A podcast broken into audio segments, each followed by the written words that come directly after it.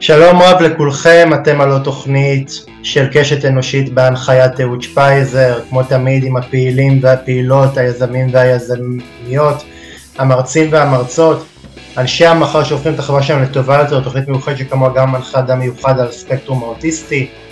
אה, אני רוצה להזכיר לכם קהל מאזינים יקר, אם אתם אהבתם את התוכנית קשת אנושית, אם הייתם בחלק, נצרו, איתך, נצרו קשר אה, או שתפו את התוכנית ברשתות החברתיות כדי שהתוכנית תמשיך לצבור קהל מאזינים נוסף.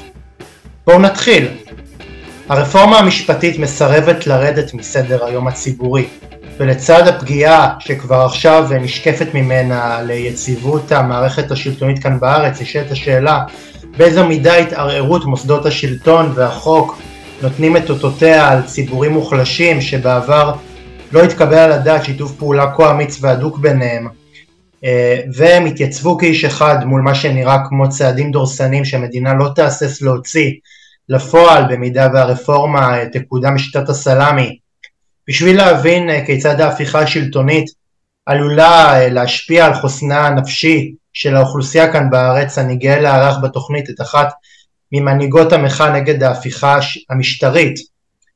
היא פסיכולוגית בשירות הציבורי, נציגת פורום הארגונים למען פסיכולוגיה ציבורית. אה, בעבר אה, יו"ר ועד שכונת אה, רמת ישראל ביצרון בבחירות האחרונות התמודדה למקומה בפריימריז לרשימה של מפלגת העבודה.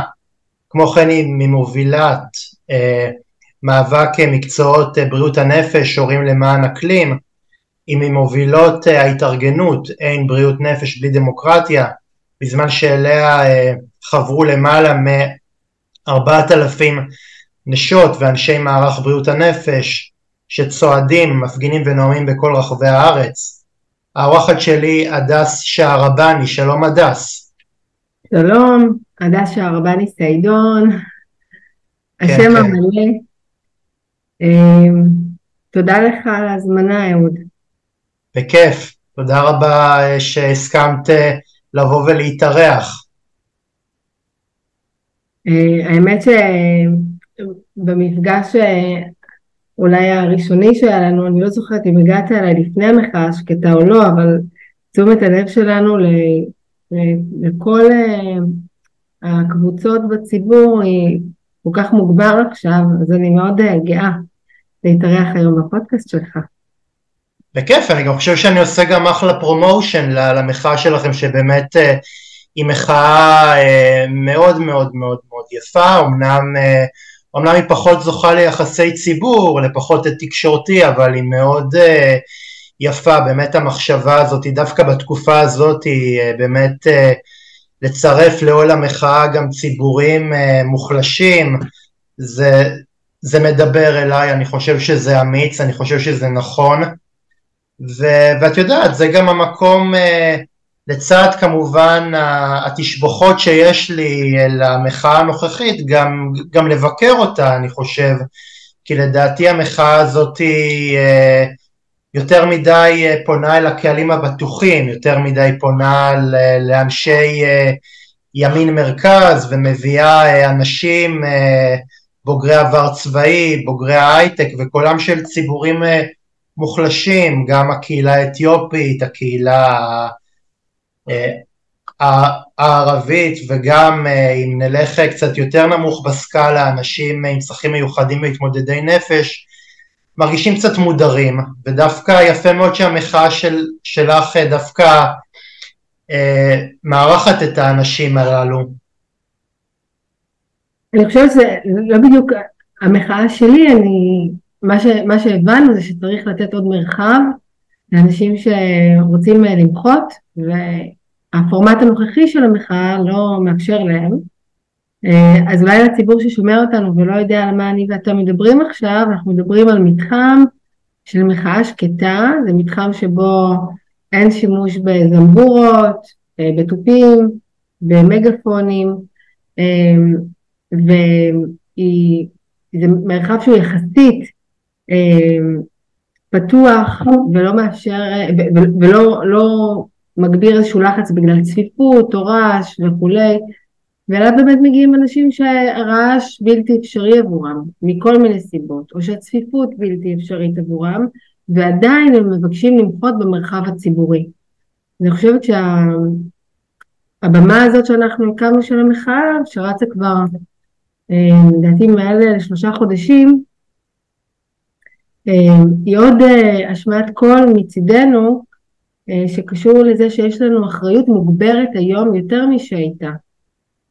לשים לב להדרה, לצמצום של הזכויות של חלק מהקהלים בחברה הישראלית. כן, אז, אז הדס, בוא באמת נפתח בשאלה הראשונה. כיצד תקופות כאלו שמתאפיינות בחוסר ביטחון והתערערות היציבות הדמוקרטית משפיעים על חוסנה הנפשי של האוכלוסייה?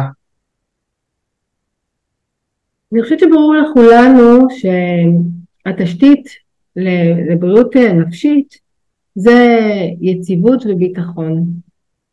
אנשים צריכים לדעת שהתשתית שהם עומדים מולה או נשענים עליה היא לא רק של אה, לחם וחמאה ומים, זאת אומרת זה ברמה הכי קונקרטית של חיים, אבל ברמה אה, החברתית אנחנו רוצים לדעת שאנחנו חלק מחברה חסונה, שהמוסדות הציבוריים בה הם בטוחים, שהם פתוחים לביקורת, שאפשר להתבונן עליהם ולשים סימני שאלה שזה אפשרי, ושלמעשה לא, הם, הם לא נמצאים תחת אה, איזושהי השפעה של כוח גדול שאי אפשר אה, לעמוד אל מולו. אה, והדבר הזה מוכל בדמוקרטיה. אז כשאתה שואל איך תקופות שהן של חוסר ביטחון או התערערות יציבות דמוקרטית משפיעה על חוסן נפשי, אני אטען שזו התשתית לבריאות נפשית.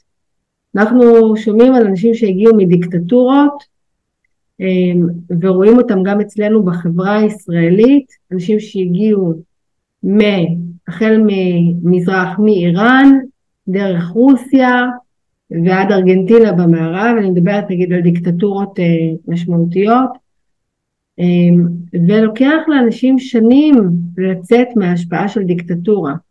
בדיקטטורה יש את האיסור לעשות דברים, את האיסור לדבר, לפעמים את האיסור לחשוב, למעשה זו התקפה על הזכות של אדם להיות.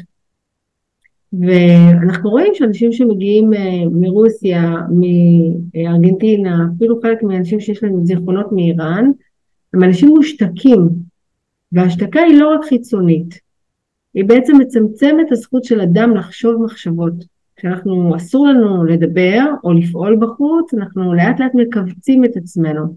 אז ההשפעה היא השפעה קשה ולכן אנחנו יצאנו בשלב מאוד מוקדם עם האמירה שאין בריאות נפש בלי דמוקרטיה. ואת, אה, אבל אני חושב שגם אה, כאן בארץ, זאת אומרת למה ללכת כל כך רחוק, אני חושב שגם כאן בארץ אה, הרבה מאוד אנשים עוד לפני הרפורמה היו עדים להרבה מאוד השתקות של, ה, של הכאב שלהם, של הדעות הפוליטיות שלהם, ו, ונשאלת השאלה עד כמה אנחנו כחברה באמת מעודדים את זה, הרי לא בכדי יש את, ה, יש את הדהירה הזאת אל עבר מחוזות הדיקטטורה, רק חברה שלדעתי אה, משתיקה ולא נותנת דרור למחשבות ולתחושות של, של אנשים, בסופו של דבר אה, גם אה, מאוד מאוד מאוד אה, תקצין. הרי את יודעת, לא צריך הרבה מאוד דמיון, רק השבוע הלך מאיתנו בר קלף, אני מקווה שאני מבטא את השם נכון, שהיה מתמודד נפש, שעבר חוויות מאוד מאוד קשות בשירות הצבאי שלו, והוא שרף את עצמו כי הוא הרגיש שלא, שהמדינה לא, לא סופרת אותו, היא לא שומעת את הקול שלו.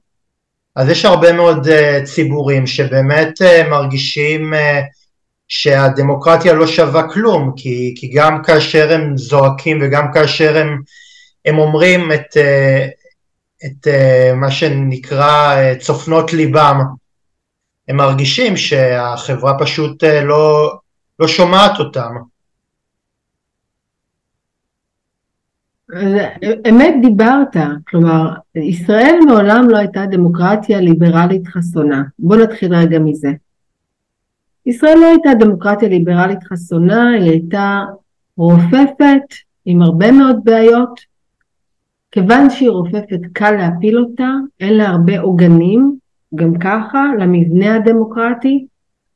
אמ, היינו גם כך עם שתי רשויות בפועל, בגלל שהכנסת והממשלה הם היינו הך, הם אותה רשות, והפגיעה בדמוקרטיה היא הייתה פשוטה מאוד. אבל גם בדמוקרטיה שהייתה, רבים יגידו, זו הייתה דמוקרטיה לחלק מהציבור.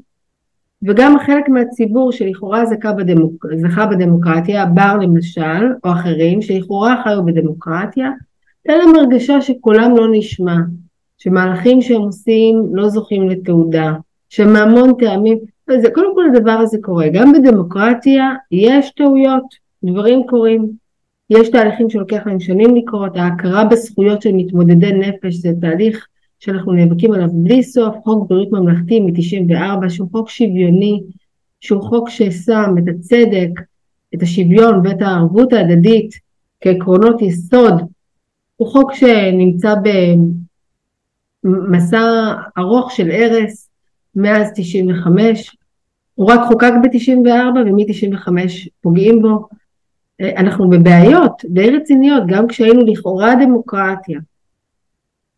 והפגיעה הזאת שהייתה גרמה להרבה מאוד אנשים, אהוד, קצת כמו שאתה אומר, להרגיש שכבר מזמן אין פה דמוקרטיה. אנחנו יכולים לדבר על אה, הציבור הערבי שנמצא תחת השליטה של ישראל בגדה.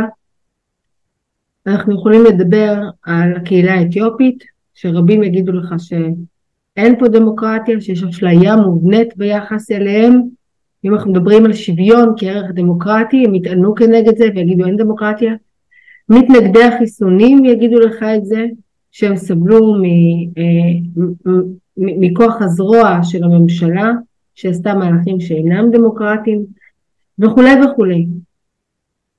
ועדיין, אנחנו נמצאים כרגע במצב שלא היה כמוהו, אהוד. ויכול מאוד להיות שיגידו כל האנשים מבין הקהילות האלו, כשאנחנו זעקתם לא הייתם איתנו. לא הגעתם בזמן, הדמוקרטיה כבר מתה. ואני מבינה את האמירה המאוד כואבת הזו. ולרבים זה אה, חשיבה שמרפאה את כוחם להצטרף למאבק הנוכחי, ועם זאת אני רואה היום הרבה אנשים שבמשך חודשים ארוכים לא הצטרפו, מאותם טעמים של כעס, מרמור, תסכול ואבל על העובדה שהם נותרו לבדם כשהם מכו, אני כן רואה אותם עכשיו מתחילים להצטרף. היום למשל מתקיים מצעד המתים, שמעת עליו? הוא יוצא מהבימה, אמ, זה מצעד שבו בעצם אנחנו נישא את אה, אה, ארונות המתים כמניין המתים בחברה הערבית מתחילת השנה. ואני אומרת את זה בצער, אבל לפעמים אתה אומר מספר ואחרי כמה שעות המספר משתנה. אמרנו 139, אנחנו עוברים ל-140, זה, זה פשוט מזעזע. אנחנו מדברים על חברה מאוד מאוד פגועה, שבהתחלה סירבה לקחת חלק במחאה כנגד ההפיכה המשטרית, בגלל שגם ככה רע מבחינתה. אבל אחד הדברים שהחברה הזו הבינה, זה שהולך להיות רע הרבה יותר. שמה שרע היום הוא לא הסוף של אז... ההידרדרות, ולכן אז... אנחנו עושים כל מיני מהלכים של הצטרפות, היום למשל אנחנו הולכים למחות עם חולצות לבנות, לא עם חולצות המחאה, בלי דגלים, רק כדי להביע הזדהות. אז רגע, אז הדס... רק אני אגיד לאנשי מחאה חייבים להושיט היום זרוע ארוכה לכל הקבוצות שמרגישות שלא ראו אותם, ולקחת אחריות על זה שגם אנחנו היינו באלה שלא מספיק ראו ולא מספיק מחו. אז הדס, עד כה רק קוששת את מה שאני אמרתי עד עכשיו, שבאמת, אה, תשמעי, אני, אני תומך במחאה, אני חושב שהמחאה הזאת היא, מחאה הירואית, היא מחאה צודקת, היא מחאה ש, שבאמת אה, זוכה ל, לרוב עצום בציבור. עם זאת, אני מרגיש שיש במחאה הזאת גם הרבה מאוד uh, פספוס. עכשיו אני מקווה ש, שבאמת אנשים ינצלו את ההזדמנות הזאת כדי באמת לתקן ובאמת לשפר ובאמת uh, שתהיה כאן חברה טובה יותר, שלא uh, נמחה ואז, uh, ואז נחזור למה שהיה כאן קודם, שעבור חלקים בציבור זה, זה לא בדיוק אה, דמוקרטיה שוויונית. אז אני באמת באמת מקווה שה, אה, שמה שקורה כאן זה באמת אה, מה שנקרא תחילתה של מעורבות אזרחית שבאמת תוביל לשיפור מרקם החיים הדמוקרטי. לא תשיג אותו למה שהיה, אלא להפך, ת, תוביל חזון שהוא שהוא משפר והוא בונה והוא הופך את המערכת הדמוקרטית לטובה יותר. אני, אני באמת, אין לי אלא לחזק את הדברים שלך, אני חושבת שאף אחד לא רוצה עוד לחזור למה שהיה. אנחנו ניצבים בעצם אה, אל מול מראה שבעצם מחדדת לנו איך אנחנו נרדמנו בשמירה. אנחנו נתנו לדמוקרטיה להתפורר אט אט ולא השמענו קול זעקה בעת שבה, שבו היה צריך להשמיע קול זעקה. הדבר הזה קשה לחמוק ממנו ואף אחד לא רוצה לחזור למה שהיה ואני אתן דוגמאות שהן אולי דוגמאות הכי אה, ברורות אפילו החלוקה התקציבית העובדה שיש פה אה, קבוצה שמשתמטת מנטל מחלוקה בנטל ומבקשת לעצמה רווחה הדבר הזה יוצר מצב אהוד שבו אנחנו בתקציב האחרון ראינו 14 מיליארד שקלים הולכים להסכמים קואליציוניים ממשלת ישראל בעצם אומרת במקום שאני אדאג לאנשים שיש להם צרכים מיוחדים וזה יכול להיות אפילו מיגון היישובים בעוטף עזה, אוקיי? זה יכול להיות מתן מענים הולמים למתמודדי בריאות הנפש, אוקיי? Mm-hmm.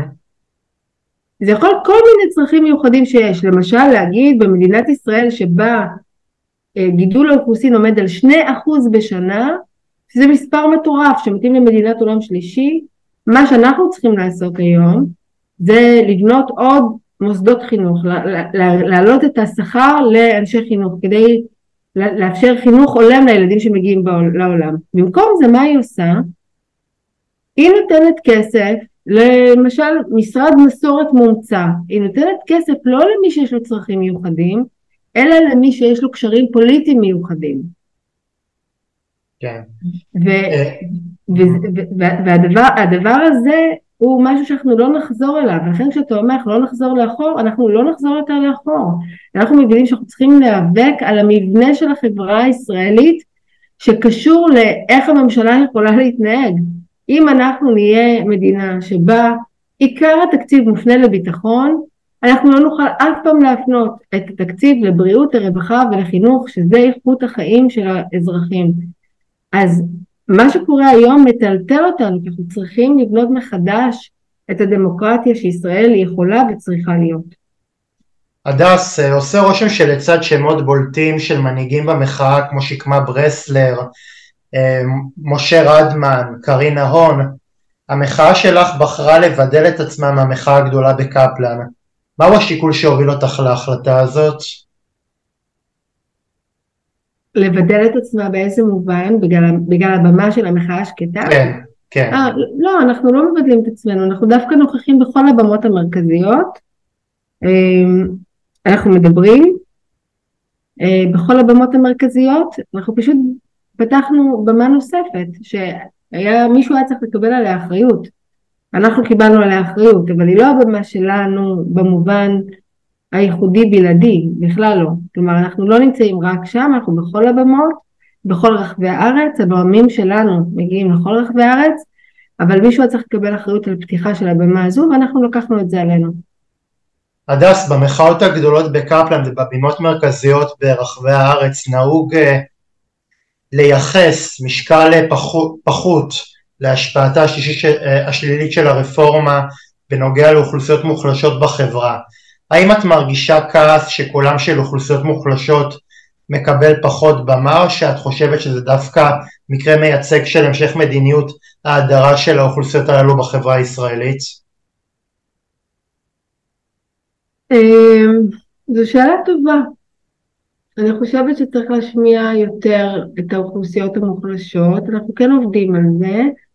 אמ, אני חושבת שאם אני מסתכלת על אוכלוסיות בסדרי גודל גדולים, אז אנחנו רואים יותר ויותר דוברים מהחברה הערבית מגיעים לבמות, אנחנו רואים אמ, אה, יותר דוברים ודוברות מהקהילה האתיופית מגיעים לבמות.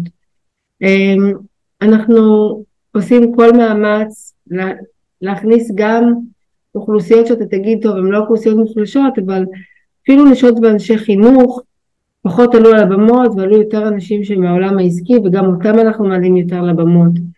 אמ, ואצלנו החוויה וגם, וגם אני. מדברים עליה גם אתה כן? אנחנו מדברים גם אה, על האוכלוסייה של אה, אה, קבוצות שסובלות מהדרה או מיחס שנחווה כאפליה אנחנו עושים את זה בבמה שלנו וככל שנמשיך נעלה גם על במות אחרות אוכלוסיות שלא מקבלות לרוב את, ה, את הבמה להשמיע קול. אצלנו במחאה אני חושבת שזה מאוד מרכזי, אמ, שכמעט בכל שבוע עולה מישהו שהוא גם מהקהילות, שהבמה הזו נבנתה עבורן.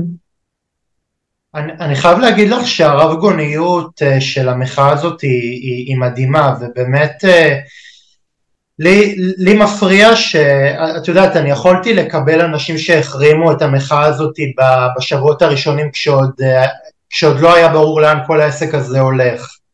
אבל עכשיו כשיש מה, באמת מאבק אזרחי הירואי, שבאמת, שבאמת באים אליו הרבה מאוד אנשים במין אותנטיות כזאת ובעקביות כזאת, זה, זה נראה לי באיזשהו מקום קצת, קצת להתחפר בתוך, בתוך ענן כזה של, של, של, של, של כאילו רגשי נחיתות. ואני, ואני באיזשהו מקום חושב שלדעתי הדבר הנכון לעשות זה לא להתמרמר וזה לא באיזשהו מקום אה, להמשיך אה, כל הזמן להזין את הכעס וכל הזמן להזין את, ה, את רגשות הנקם כי הרי סך הכל את מי אנשים באים, אה, באים להאשים כשהם לא, כשהם לא באים? הרי, הרי אני חושב שאנחנו בנקודת זמן בהיסטוריה שכל אחד היה רוצה להגיד אני הייתי שם, אני הייתי חלק במחאה הזאת, אני הייתי חלק בהצלת הדמוקרטיה ו- ודווקא בנקודת זמן הזאת זה דווקא נראה לי קצת אה, קצת אה, מעורר רחמים לראות אנשים שלא משתתפים במחאה הזאת ו- ו- ובאיזשהו מקום ממשיכים לשחק לידי הימין ברגשות ה- הקיפוח שבאיזשהו מקום הם גם לא מרפים מהם רגע והם לא עוצרים רגע ואומרים אוקיי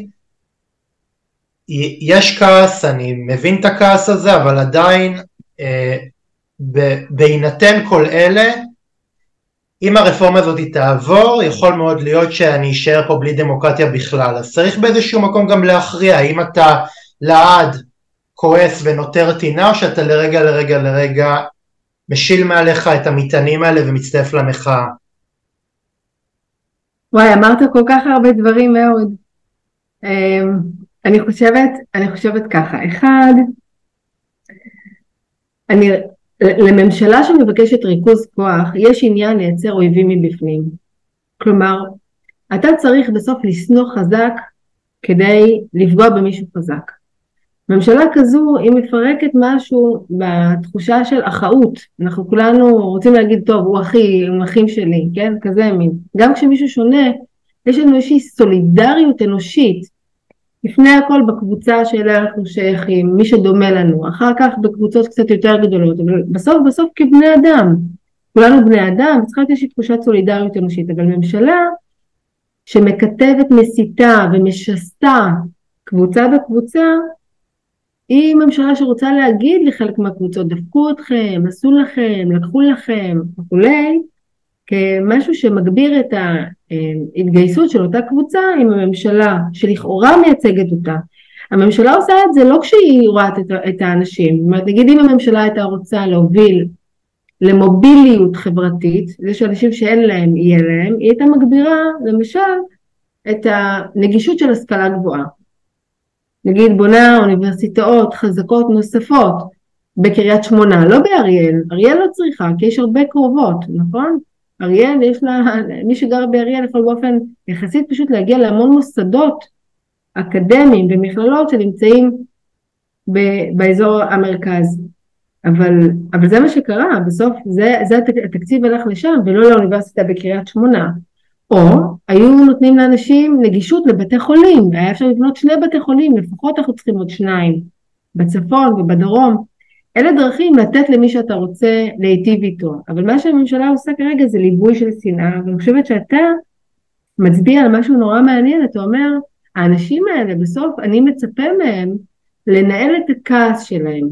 אחד, הממשלה מגבירה אצלהם כעס, למטרות, למטרות שלה, אבל שתיים, אתה אומר, אם אתם כועסים, עדיין אני מצפה מכם לראות את התמונה הכוללת. האם הממשלה מיטיבה איתכם? אולי היא לא מיטיבה איתכם? אולי שווה שתבקרו אותה? ואז אנחנו רואים שתי קבוצות. קבוצה אחת זה אנשים שהצביעו לממשלה ויש להם תהליך נורא קשה. רגע לבדוק האם הממשלה באמת מיטיבה איתי. וזו שאלה שהם צריכים להתייצב מולה באופן מפוקח. ולבחון את השאלה ולראות האם זה נכון או לא נכון, ואם לא, להרשות לעצמם להתנגד למי שהם הצביעו עבורו, שזה מהלך רגשי קשה. אבל, אבל, אבל אני מרגיש ש, שהם לא שואלים את השאלה הזאת, במקום זה הם, הם יוצרים לעצמם איזשהו, איזשהו דמון, ועכשיו לדעתי, מה שיפה במחאה הזאת זה, ש, זה שהיא עממית, אין לה, אין לה נס ואין לה דגל ואין לה איזשהו אה, קברניט שמוביל אותה, רק בפיטורים של גלנט יצאו אה, המוני איש לרחוב שאף אחד לא, לא הדריך אותם, ואתה יודע, ובאיזשהו מקום אני מצפה מאנשים לאיזושהי יושרה, ולהגיד אני, אני כועס אה, על, על מישהו ספציפי, סתם לכעוס על, על אלפי איש שהולכים לרחובות ומפגינים, אתה יודע, אתה, יש במחאה הזאת גם מזרחים וגם חובשי כיפה וגם, אה, וגם ערבים וגם אה, אה, עושי שירות צבאי ושירות לאומי, זאת אומרת אין שם מנהיג, אז, אז לדעתי לבוא ולהגיד מחאה אליטיסטית, מחאה ש, ש, שהיא לא מייצגת אותי לדעתי, יכולתי לקבל את זה בהתחלה, עכשיו אני פחות, עכשיו אני פחות מקבל את זה, לדעתי זה, זה ניסיון לשחק לידי פוליטיקת הזהויות שהממשלה הזאת היא ביד, ביד קסם וביד אומן מנסה לנצח עליה. תראה, קודם כל מי שעומד בראשה הוא רב אומן בהנדסת תודעה. בנימין נתניהו הוא מבין שדרך הפחדה והסתה אתה שולט בציבור. ככה אתה מזיז את ההמון. אני חושבת שאתה מאוד מדייק כי אתה מבין שבעוד שאנחנו ניגשים ביד קשה אל ההנהגה וביד רכה אל הציבור כולו, מה שהממשלה עושה, כיוון שאין הנהגה, אתה מזהה את זה מאוד נכון, אין הנהגה, הנהגה היא הנהגה כל כך רחבה, אי אפשר לסמן אף אחד באמת. אז הם צובעים את הציבור כולו. כלומר, ציבור המוחים כולו מתויג. ציבור המוחים כולו נצבע. כשמאלן, כמוסת, אנרכיסטים, פריבילגים, כטרוריסט, אמירות קשות. על מי? האם ניתן לצבוע ציבור שלם? כלומר, בזמן שאנחנו מסמנים את ההנהגה באופן מאוד ספציפי כמי שמחולל את השבר והחורבן, הם אומרים, ציבור גדול יוצר שבר וחורבן כי אין הנהגה להאשים. אז ההאשמה פה היא מאוד מאוד כללית והיא מאוד מסוכנת, בגלל שזה בדיוק מה שיכול להוביל למלחמות שאנחנו קוראים להן מלחמות אזרחים, מלחמות אחים, למשהו שבו כל אדם שהולך ברחוב, ככה זה בדיקטטורה, שואל את עצמו מי זה ההוא שהולך שם, הוא איתי או איתם? הוא בעד המשטר או נגד המשטר? ואתה מרגיש כל הזמן תחת איום, כי השייכות הבסיסית שלך לקהילה נפגעת. הדס, באילו היבטים את מרגישה שהקול הייחודי של תנועת המחאה, אותה את מובילה יחד עם אה, עמיתייך, כן אה, שינתה משהו בשיח של הציבור הרחב כלפי ההפיכה המשטרית? תראה, אחד הדברים שאנחנו בעצם אה, עשינו מההתחלה זה להסביר לאנשים מה מה, מה האתגר הגדול ביותר שעומד בפנינו, ואנחנו אמרנו, אמרנו את זה מהרגע הראשון. אנחנו אמרנו שמהרגע אה, שהממשלה הזו עלתה, המטרה שלה היא לשבור את הרוח, את רוח, ה, את, את הרוח האנושית שמבקשת חופש. הסיסמה של מטה המחאה החופשי בארצנו היא סיסמה מאוד משמעותית בגלל שרק כשהציבור, אהוד, מדוכא ומיואש, אתה יכול להכיל עליו את ריכוז הכוח של הממשלה. בכל רחבי העולם, לאורך כל ההיסטוריה, דיקטטורות נפלו כשההמון קם על השלטון. כן, אנחנו רואים את זה, ראינו את זה, אולי הדוגמה, יש הרבה מאוד דוגמאות, אבל אה, אפילו חומת ברלין נפלה אחרי שלוש הפגנות, זה מה שהיה. הגדולה ביותר הייתה של 200 אלף. זה חומת ברלין, כן, סיפור היסטורי. אבל אנחנו יודעים בסוף שכשהציבור לא מדוכא, הוא יוצא, הוא תובע את הזכות שלו, הוא תובע את החופש שלו, כן? וה... ולכן, כל שאנחנו השמענו זה שהממשלה הזו, מה שהיא מבקשת לעשות זה להחליש אותנו רוחנית, להפיל את רוחנו, לגרום לנו להרגיש חסרי אונים, לגרום לנו להרגיש שקולנו אין לו ערך. כשאדם מרגיש שאין לקול שלו ערך, הוא לא יוצא. הרגע סיימנו דיבור קצר על הקהילות או על החברות, החברה הערבית, החברה האתיופית, מתמודדי בריאות הנפש, כשמשהו, כשבר בוחר לעשות מעשה, כן, שהוא מעשה חריג, נורא ואיום, מזעזע, הוא עושה את זה כאילו שמעו אותו. מתוך חוסר אונים. אבל כשאדם הוא חסר אונים, רוב האנשים פשוט שותקים. הם מתכנסים פנימה לבית שלהם, הם מעדיפים כמעט לעצום את האוזניים, את העיניים, לא לקחת חלק במה שקורה. זה מאוד משרת את המשטר. כל אחד מאיתנו שמתייאש, משרת את המשטר. ואת יודעת, זה, אבל את יודעת, זה קצת, זה קצת אירוני, כי באותה מידה שהציבור מפיל דיקטטורה, הוא גם מייסד אה, דיקטטורה. ואני יכול אה, לראות את זה בהרבה מאוד אה, דוגמאות אה, בהיסטוריה, אז לדעתי יש, אם יש משהו שהוא קצת מוזר, שבאותה מידה ש, שבה הציבור התנער מה, מהממשלה הנוכחית, גם, גם יש, גם, גם היו בין האנשים ש, שמוחים איתנו גם אנשים שנתנו את קולם לממשלה הזאת. אז לדעתי אם יש איזשהו מסר מנחם זה שבאותה מידה גם דיקטטורה היא הפיכה. אמ, גם דיקטטורה היא הפיכה? כן. אתה מתכוון אפשר לצאת מדיקטטורה? ש, שלדעתי אני חושב שכמו שאפשר לרסק אה, דמוקרטיה מהר מאוד אפשר לרסק דיקטטורה מהר מאוד. תראה, אנחנו רואים מההיסטוריה הרבה מאוד מקרים, דיקטטורות לא נופלות מהר מאוד. ברגע שיש ריכוז כוח אצל, אצל שלטון, זה לא כל כך פשוט להפיל אותו. Uh, אז יש מקרים לאורך ההיסטוריה שמדובר היה בשנים אה, רבות, עד כדי 12-13 שנה. Uh, יש מקרים אחרים של עשרות שנים. זה לא כל כך פשוט. ברגע שיש ריכוז כוח אצל השלטון, מאוד קשה לאנשים לוותר על כוח. גם אם מתחלף השלטון, הוא לא רוצה לוותר על הכוח שיש לו. ולכן הטיעון שלנו שזה בכלל לא סוגיה פוליטית. כי זה לא משנה אם ימין או שמאל. למשל, רוסיה הקומוניסטית, זה, זה, קומוניזם זה שמאל, הייתה כזו שפגעה בזכויות אדם, כמו אה, איטליה הפשיסטית, או גרמניה הנאצית. אז או במקרים, אה, במקרים אה, קיימים אנחנו רואים את הדברים האלה קורים בפולין ובהונגריה גם עם כיוון לאומני ימני אבל, אבל זה לא משנה ימין או שמאל אנחנו יודעים שדיקטטורה היא דבר מאוד מסוכן לבריאות הנפש. את, אה, את ציינת את... ברווחה, כן. את ציינת את פולין והונגריה ורציתי לשאול אותך, הדס, מה ניתן ללמוד ממדינות שבהן הייתה הפיכה שלטונית ביחסה כלפי מוסדות לבריאות הנפש? אז תראה, הפגיעות במוסדות לבריאות הנפש הן אה, פגיעות אה, שקורות לאט והרבה פעמים בסוג של אה, עיקוף. הפגיעה הראשונה שאנחנו רואים היא פגיעה באקדמיה, שזה החופש לשאול שאלות, החופש להטיל ספק.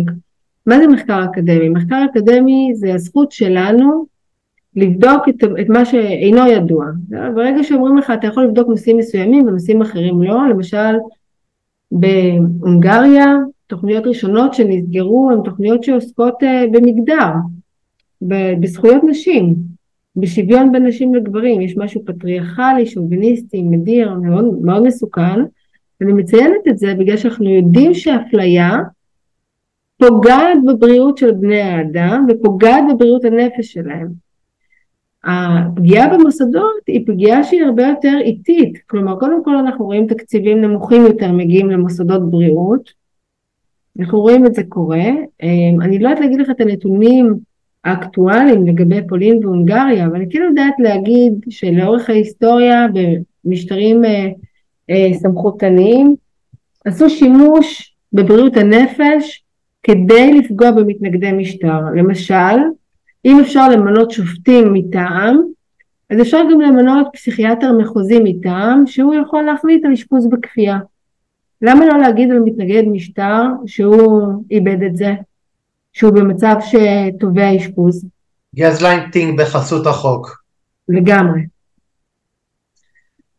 איי, מזעזע, פשוט מזעזע.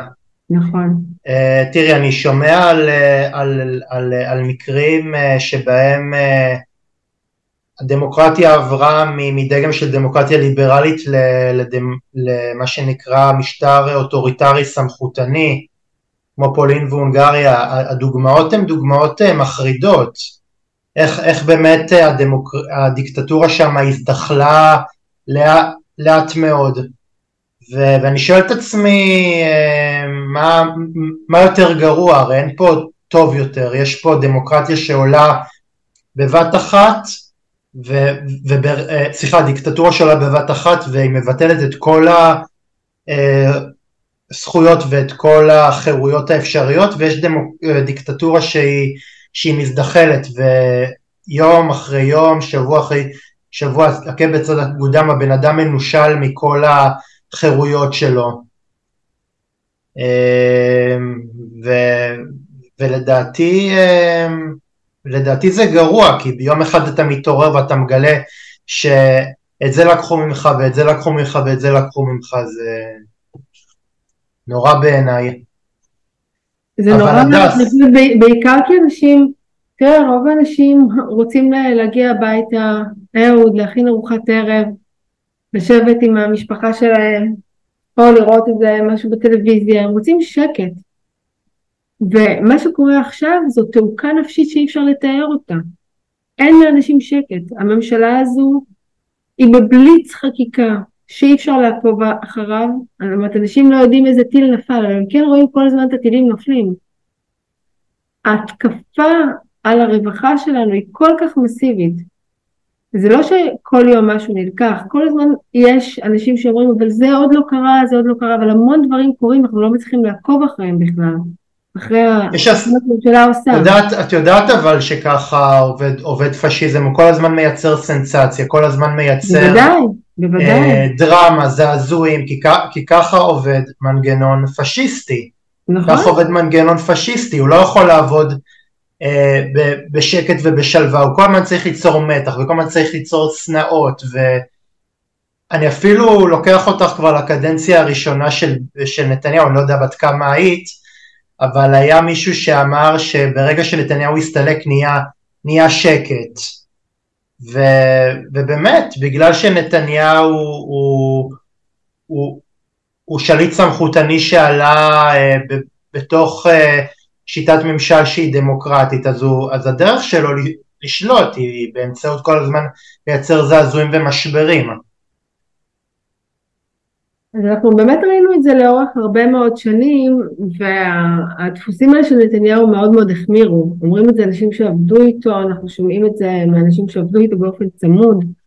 Uh, המצב היום הוא קשה מאוד, הוא לא מה שהוא היה וללא ספק אנחנו נמצאים מול ראש ממשלה נאשם אה, שמבקש ריכוז כוח, שפועל כרגע בכל הדרכים למען השררה, למען שימור השררה, ומה שהוא עשה, אהוד, זה להקים איזושהי קואליציה, שאני קוראת לה קואליציית גולם. הגולם הזה אמור לשרת את האינטרסים שלו. בקואליציה הזו הוא שם כל מיני קבוצות שמחזיקות תפקידים. יש את קבוצת המושחתים והעבריינים, שמבקשת לחמוק מעמידה בפני אה, אה, רשויות החוק. יש את הקבוצה הלאומנית משיחית, כן, שמבקשת אה, את ארץ ישראל השלמה, אה, אפליה בין אה, אוכלוסיות יהודיות וערביות, עליונות יהודית וכולי, ויש לנו את האוכלוסייה, את הקבוצה של המשתמטים, של מי שרוצים רווחה בלי לשאת בנטל. אלה שלוש קבוצות, בקבוצות האלה נמצאים בראשן, בחלק מראשן אידיאולוגים מאוד גדולים, באחר, באחרות אנשים שיש להם אינטרסים פרטיים מאוד גדולים, זה לא משנה. אבל שלושת הקבוצות האלה, המושחתים, הלאומנים ולאומנים דתיים ומבקשים רווחה בלי לשאת בנטל, הם קבוצות שמשרתות אותו. אבל אדם אחד שולט באירוע שקורה עכשיו בישראל. והוא מפעיל כמו במיניאטורה את הגולם הזה שהוא בנה, והגולם הזה אנחנו רואים מדי פעם שהוא מרים את הראש שלו בצורה חיונית, לכאורה עצמאית, אבל בסוף זה גולם ששולט בראש הממשלה. ומי שיעצור את הסיפור הזה זה רק ראש הממשלה. עליו האחריות לעצור את החורבן.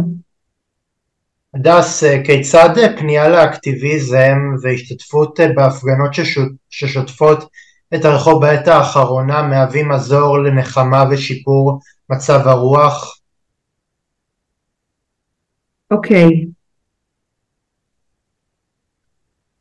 תראה, אנשים שנמצאים בבית, מכונסים, רואים טלוויזיה, קוראים עיתון, הם עמוק בצערם, הם לבדם בצערם.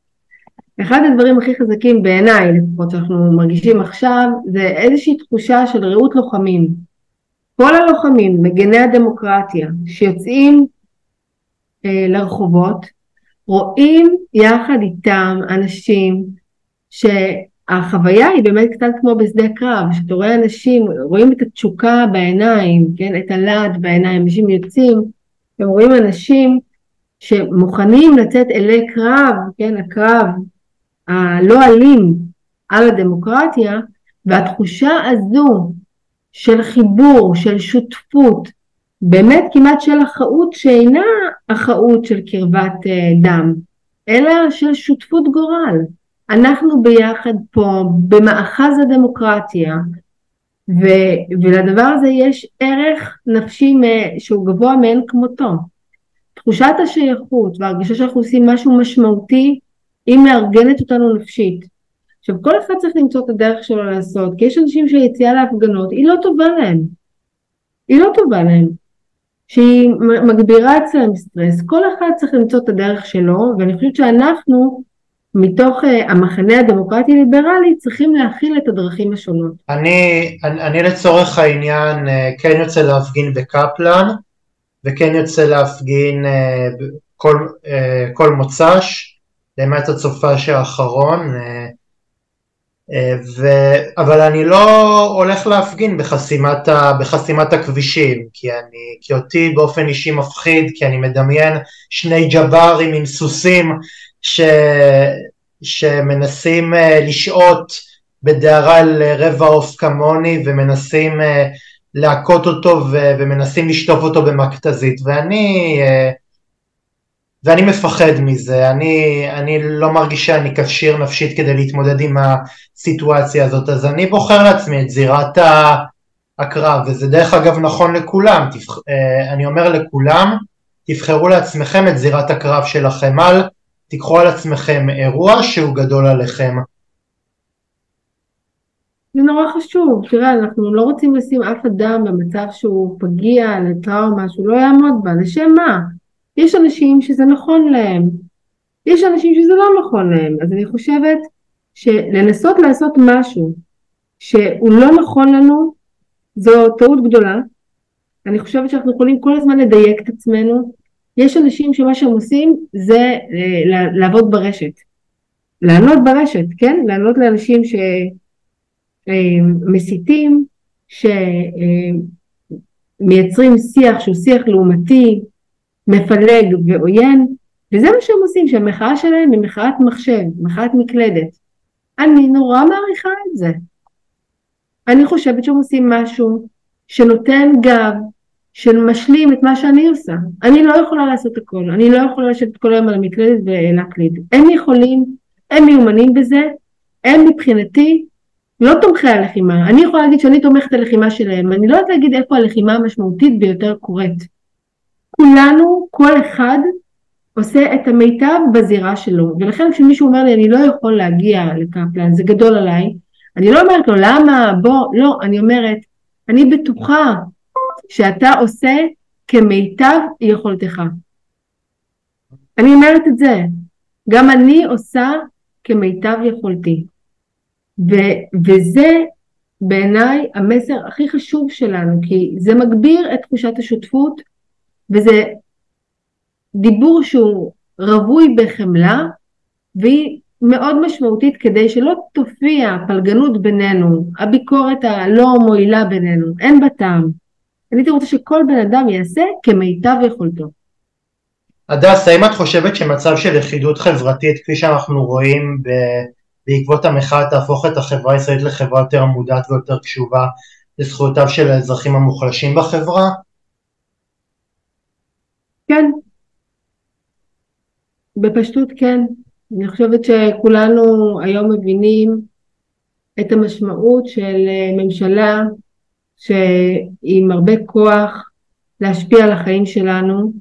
אה, יש אנשים שמדברים על זה אה, שמה שקורה ביהודה ושומרון קורה עכשיו כאן אל מולנו, שמג"ב שמפעילים כוח שהוא כוח לא מידתי מול חלק מהאוכלוסיות, קהילה האתיופית כל הזמן אומרת את זה, אה, פתאום מפעילה את זה אל מולנו. אני חושבת שזה יגביר מאוד את החמלה שיש לנו ואת הסולידריות שהיא לא לקבוצת השווים לנו, אלא באופן כללי, בתוך החברה הישראלית, לכל חברי החברה הישראלית, לכל השותפים, לכל הקהילות, בלי הבדלים של מגדר, של דת וכולי, אה, ו... ואני מאמינה שאנחנו נצא מזה מחוזקים יותר סביב ההגברה של הסולידריות. משהו בחמלה האנושית בעיניי אה, מתחזק מכורח הנסיבות. הדס, לקראת סיום, אה, כפעילה חברתית את מרוצה מכמות האנשים שהצלחת לגייס למאבק שלך? אה, תוך שבוע היו לנו 4,000 איש. זה מספר מטורף. שבועות אחר כך הייתה לנו תפוצה בפייסבוק, ברשתות בכלל, של עשרות אלפים. זה מרהיב, זה מפעים, זה קשה להאמין לתפוצה. ועדיין, המשימה שלנו היום זה לגדול אה, אה, לא באחוז או שניים, בעשרות אחוזים. זו משימה שהיא משימה כרגע שיש לה ערך קיומי למחאה. אם אנחנו לא נצליח לגדול אנחנו נקטן. אנחנו חייבים היום לגדול, יש לנו מחויבות לעשות הכל כדי להשמיע קול ולגרום גם לאחרים לקחת חלק במחאה, במאבק, ששינה את עורו. אהוד, בהתחלה אנחנו מחינו, אחר כך נאבקנו כדי שזה לא יקרה, אבל היום כבר עבר החוק הראשון, אנחנו שם. עבר אה, חוק שמבטל את עילת הסבירות, והיום אנחנו כולנו לאט לאט הופכים להיות מתנגדי משטר, והתנגדות משטר היא דורשת קבוצות שהן קבוצות ענק, ורק כך אנחנו נוכל להמשיך ורק כגוש אחד ננצח. ולכן אנחנו צריכים להגדיל את הגוש ולהגדיל ולהגדיל ככל שנוכל. זו המשימה הנוכחית. אני פה כדי לעזור. יאללה. הדס, אה, לסיום, האם המחאה הנוכחית הולכת אה, בכיוון של אה, ניצחון על הממשלה הנוכחית, על הממשלה הנוכחית או שאת כרגע פסימית? אמ, תראה, אני חושבת שאנחנו כל הזמן רואים הרבה מאוד ניצחונות, אנחנו רואים המון ניצחונות, העולם איתנו, אנחנו רואים עכשיו ראשי מועצה מהליכוד שמבקשים מהממשלה הזאת להירגע, אנחנו רואים את המחנה שהרים את הממשלה הזו יוצא כנגדה, יש הרבה מאוד ניצחונות. אני לא מדברת על ניצחון של, שלנו כמוחים, אני רוצה להגיד אהוד שביום שאנחנו נחשוב שאנחנו ניצחנו אנחנו נטעה בגדול. יש אחת שצריכה לנצח, והיא הדמוקרטיה. הדמוקרטיה צריכה לנצח. לא מדובר פה בניצחון של מחנה אחד על ניצחון על, על מחנה אחר. הדמוקרטיה חייבת להרים ראש, וכשהיא תנצח היא תכונן מחדש בישראל. ישראל תהיה, תגדל להיות מהדבר הזה מדינה יציבה יותר, דמוקרטיה ליברלית חזקה יותר, ו, וזה הניצחון שאנחנו מדברים עליו. ואני מקווה שהדבר הזה יקרה בטווחים של אמ, העשור הראשון יהיה עשור, העשור הקרוב יהיה עשור מאוד מאוד חשוב, אמ, כי הרבה שינויים נדרשים לקרות פה, אה, ואחריו תהיה לנו עוד דרך משמעותית לבנייה מחדש. אבל אני חושב גם שמשהו צריך להיעשות גם, גם בהנהגה שלנו, משהו, משהו אחר. אם מי שיוביל את, ה, את הפוליטיקה זה אותם דמויות ואותה גלריית מנהיגים, שדרך אגב לא רק על הקואליציה יש לי ביקורת אלא גם על האופוזיציה יש לי המון ביקורת, אה, שום דבר לא, לא השתנה, אני, אני לא רוצה נבחרי עם במובן הפשוט של ללכת לקלפי ולהצביע אה, בשיטת הבחירות הנוכחית. אני באמת באמת באמת באמת רוצה שיטת בחירות שבהם הציבור יהיה אחראי ו- ויהיה שותף ב- אה, להצמיח את ההנהגה ובמידה וההנהגה הזאת היא לא, לא אה, מממשת או לא מספקת את הסחורה גם באותה מידה שמרוממים אותה אז גם באותה מידה לשלוח אותה הביתה, צריך להיות מנגנון החלפה יותר, יותר טוב ויותר מהיר של פוליטיקאים ש, שסרחו בתפקידם. אז באמת זו שאלה מה זה לא לעמוד בתפקיד שלך, זו שאלה מאוד חשובה, אבל אני כן רוצה להתייחס למנגנון ההחלפה. דמוקרטיה, אהוד, היא תנועה בהובלה, היא תנועה אה, אה, שהיא פנימית של אה, שליחי הציבור, נבחרי הציבור, והדבר הזה קשור להגבלת כהונה, שאנחנו היום לא רואים אותו. חלק מהמפלגות שהן מפלגות באופוזיציה הן מפלגות לא דמוקרטיות. זו בעיה, בעיה עמוקה, אתה מדבר על שינויים בתוך המפלגות, מפלגה שהיא מפלגה לא דמוקרטית, אנחנו לא יכולים לראות בה את התחלופה שאתה מדבר עליה, אמ, לחלופין יש מפלגות דמוקרטיות לכאורה כמו הליכוד שגם בהם אנחנו לא רואים דמוקרטיה על מלא, למה? כי יסוד דמוקרטי הוא הגבלת שלטון. לא ייתכן שבראש הממשלה עומד אותו אדם ללא הפסקה במשך כל כך הרבה שנים. אבל זה לא רק ראש ממשלה, זה גם ראש עיר וזה שר גם ראש עיר, אתה צודק, גם, אתה צודק, גם חבר כנסת ושר זה לא אותו דבר, כי אנחנו נותנים לאנשים להתפתח בתפקיד, אבל ברשות של מועצה, מדינה, עיר וכולי, חייבת להיות הגבלת כהונה. ואני גם רוצה להגיד, גם ברשות של מפלגות צריכה להיות איזושהי הגבלה טבעית, ודאי לא מבנה שכובל את מי שעומד בראש לתפקיד. מבנים כאלה הם מבנים לא דמוקרטיים הם מאוד בעייתיים וזה קשור קצת למה שאמרת על האופוזיציה שזה טיעון שאנחנו שומעים אותו הרבה מאוד ואני מקבלת אותו. אנחנו חייבים לעשות הכל כדי לייצר דמוקרטיה שאנחנו מרגישים אותה בכל המישורים של החיים. היום אה, אה, אני, אני תושבת תל אביב, בראש עיריית תל אביב עומד ראש עירייה, זו הקדנציה החמישית, והוא מרשה לעצמו לרוץ לקדנציה השישית. זה ביזוי של הרעיון, מהי דמוקרטיה? תנועה בדמוקרטיה של בעלי תפקיד זה חלק מרכזי מהמימוש של אה, אה, אה, חופש תנועה ונבחרי ציבור שהם נבחרים ולא הופכים להיות שליטים. אחרת אנחנו ממליכים מלכים. כשמישהו אומר רק אני יכול, הוא ממליך עצמו למלך.